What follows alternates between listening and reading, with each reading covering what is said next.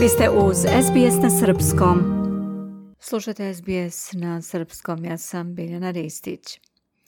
Policija Novog Južnog Velsa ponudila je novčanu nagradu od 500.000 dolara za bilo kakvu informaciju o ubistvu Radojka Đorđevića, koji je ubijen pre skoro 40 godina. Porodica gospodina Đorđevića, reagujući na vest, saopštava da bi im mnogo značilo da konačno dožive pravdu, piše Omoh Belo za SBS News. Ogromna nagrada čeka svakoga ko ima informaciju o nerešenom slučaju ubistva istaknutog pripadnika srpske zajednice u Sidneju, koje se dogodilo pre skoro 40 godina. Policija Novog Južnog Velsa nudi novčanu nagradu od 500.000 dolara za informacije koje bi dovele do hapšenja i osude osobe ili lica odgovornih za kladnokrvno ubistvo Radojka Đorđevića. Nestanak gospodina Đorđevića prijavila je njegova supruga kada se nije pojavio u Kamberi na crkvenom festivalu Bojić 26. januara 1985. gde je trebalo da se sastane sa njom i njihovom decom. Njegovo telo je pronađeno pet dana kasnije, 31. januara 1985 u šumi pored puta South Maryland Road, Southern Highlands. Vršilac dužnosti policijskog nadzornika, detektivka Virginia Gorman, kaže da je njegovo ubistvo možda imalo političku osnovu.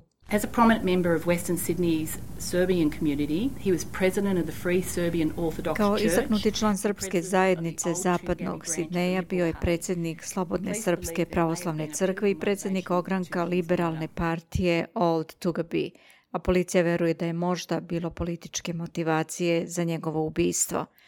Gospodin Đorđević je rođen 1937. i bio je dete za vreme drugog svjetskog rata, a kasnije je emigrirao u Australiju.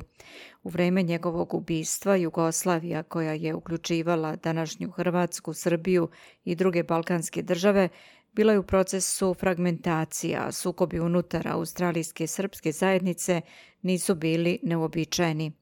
Komandir Odeljenja za istraživanje ubistava i vršilac dužnosti nadzornika Virginia Gorman kaže da je gospodin Đorđević bio umešan u borbu za vlast koja je možda dovela do njegovog ubistva. The investigations at the time and subsequently by the unsolved homicide units would indicate that there were political power struggles within Serbian organizations in New South Wales istrage u to vreme, a potom i istrage jedinice za nerešena ubistva ukazuju na to da su vođene borbe za političku moć unutar srpskih organizacija u Novom Južnom Velsu. Gospodin Đorđević je bio istaknuti član te zajednice i postojao je određeni stepen sukoba unutar tih organizacija. U osnovi reč o kontrolisanju i usmeravanju tih organizacija, kaže gospođa Gorman.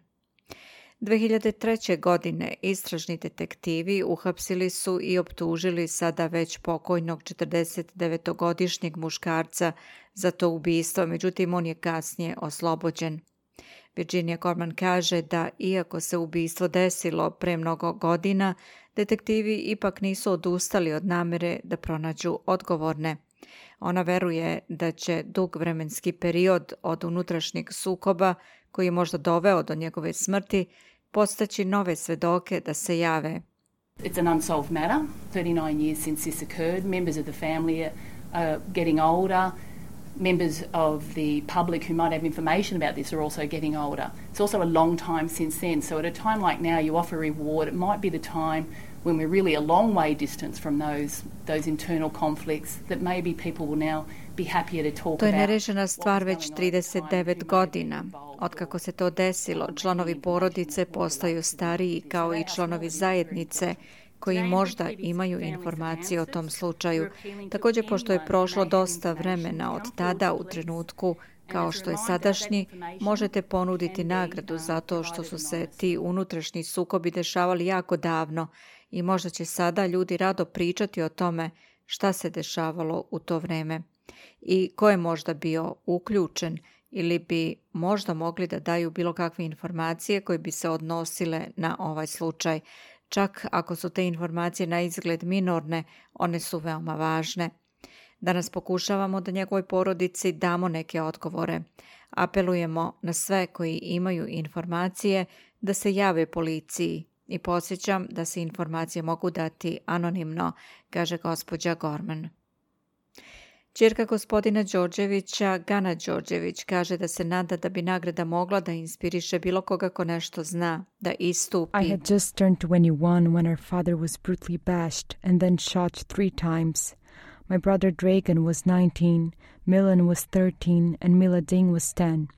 I am 60 now and we are desperately still seeking closure to the continuous grieving, suffering. bila napunila 21 godinu kada je naš otac bio brutalno pretučen, zatim upucan tri puta. Moj brat Dragan je imao 19 godina, Milan 13, a Miladin 10 godina. Sada imam 60 godina, a mi očajnički još uvijek tražimo odgovore, neprekidno tugujemo i izloženi smo patnjama i nesigurnošću, što je sve izazvano smrću mog oca. Hapšenje bi značilo da naš otac nije umro ni za šta, rekla je Gana Đorđević. Piše Omog Belo za SBS News. Ja sam Biljana Ristić. Želite da čujete još priča poput ove? Slušajte nas na Apple Podcast, Google Podcast, Spotify ili odakle god slušate podcast.